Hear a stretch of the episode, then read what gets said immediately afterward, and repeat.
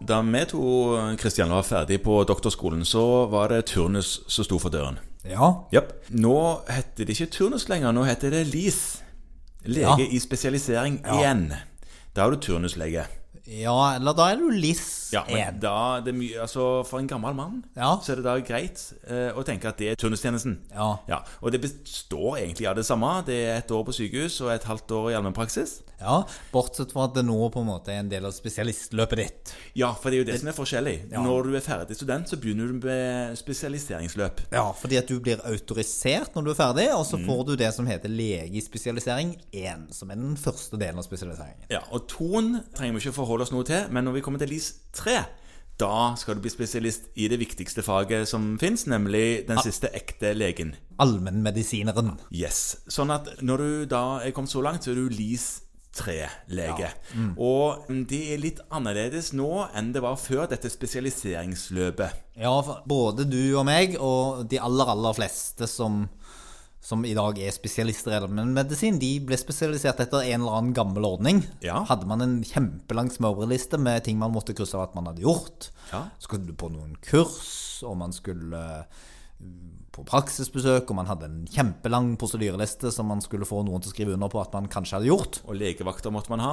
40 stykker Veiledningsgruppe måtte man delta i. i to år. Ja. Nå er ting eh, endra seg litt. Grann. Det er ikke så mye krav lenger. Nå er det anbefalinger.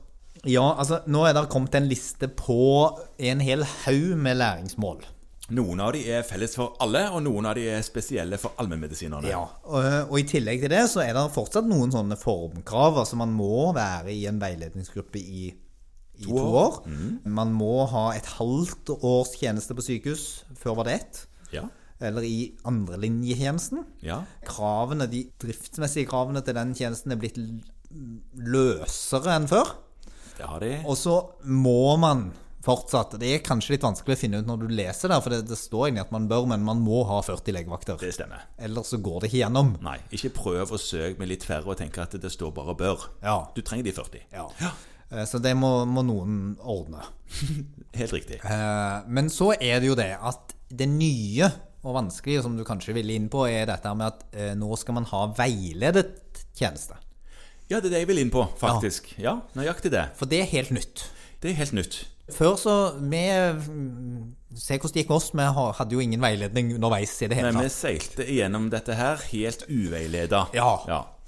Og det med veiledning er et tema som er vanskelig for mange. Ja, Spesielt siden det ikke bare er veileder du skal ha, du skal ha én ting til.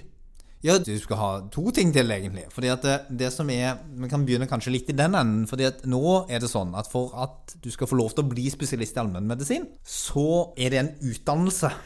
Ja visst. Og da utdannelse må du ta på det vi kaller for en utdanningsinstitusjon.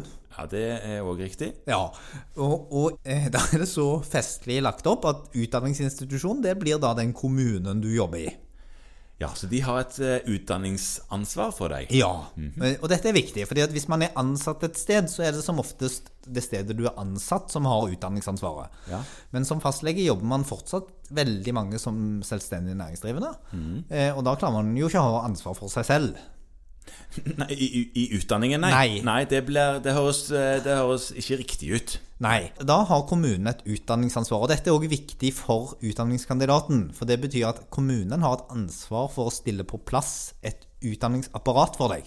Ja, eh, både veileder som vi har snakket om, en formell leder som du må ha, og eh, supervisjon.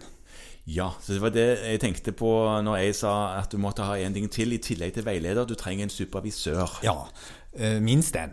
Der kan du man kan- gjerne ha flere. ja, ja, du kan ha flere. ja. Eh, og, og nå har vi jo kasta opp noen begreper her som er litt vanskelige. Og som erfaringen min som veileder både for LIS1 og LIS3 og supervisør, Mhm.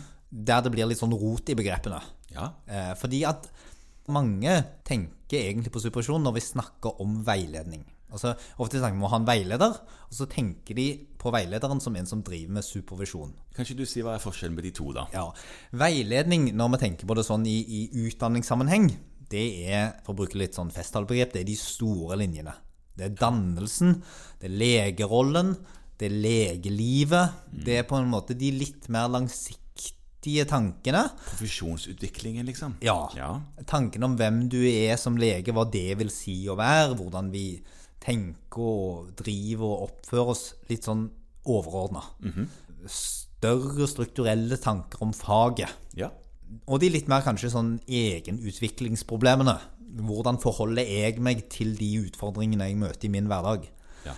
Supervisjon, det er hvilke blodtrykksmedisiner velger jeg til denne pasienten. ja. Hvordan setter jeg inn denne spiralen? Eh, Hvordan får jeg ut denne p-staven som en eller annen har trøkt inn i bicepsmuskelen? ja. Hvordan setter man et kateter?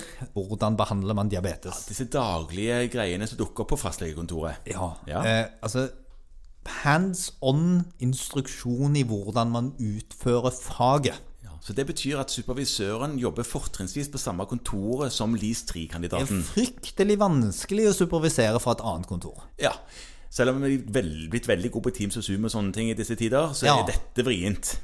Ja, Mens- selv du setter vel ikke inn spiraler per telefon, gjør du det? Eh, Det har jeg ikke prøvd, nei. Nei. Eh, Men når det gjelder denne her eh, Ikke supervisøren, men veilederen. Ja. Det kan jo gjøres elektronisk, egentlig. Ja, altså veiledningen er da sånn at den står det at det skal være minst fire timer i måneden i ti og en halv måned i året. Ja.